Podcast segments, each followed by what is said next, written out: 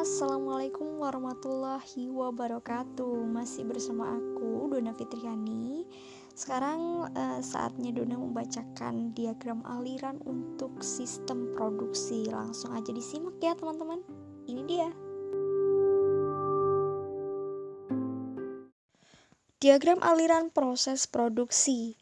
Prosedur produksi diawali dari adanya bagian pemasaran yang menerima pesanan dari pelanggan, kemudian bagian pemasaran akan mengirimkan dokumen pesanan tersebut ke bagian produksi. Setelah itu, bagian produksi akan melakukan pemrosesan lebih lanjut. Apakah pesanan tersebut akan diterima atau ditolak?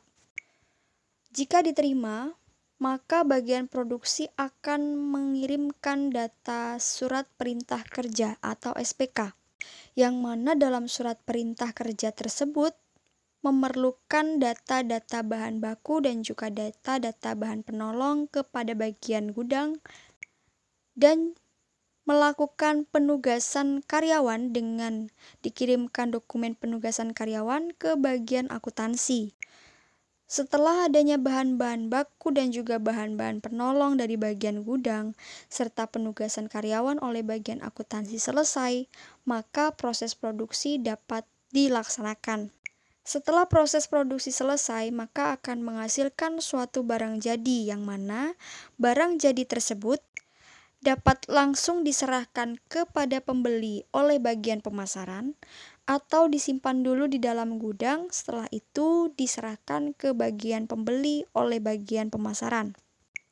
Barang jadi yang telah selesai tersebut akan dibuatkan dokumen laporan produksi kepada bagian akuntansi dan proses produksi berakhir.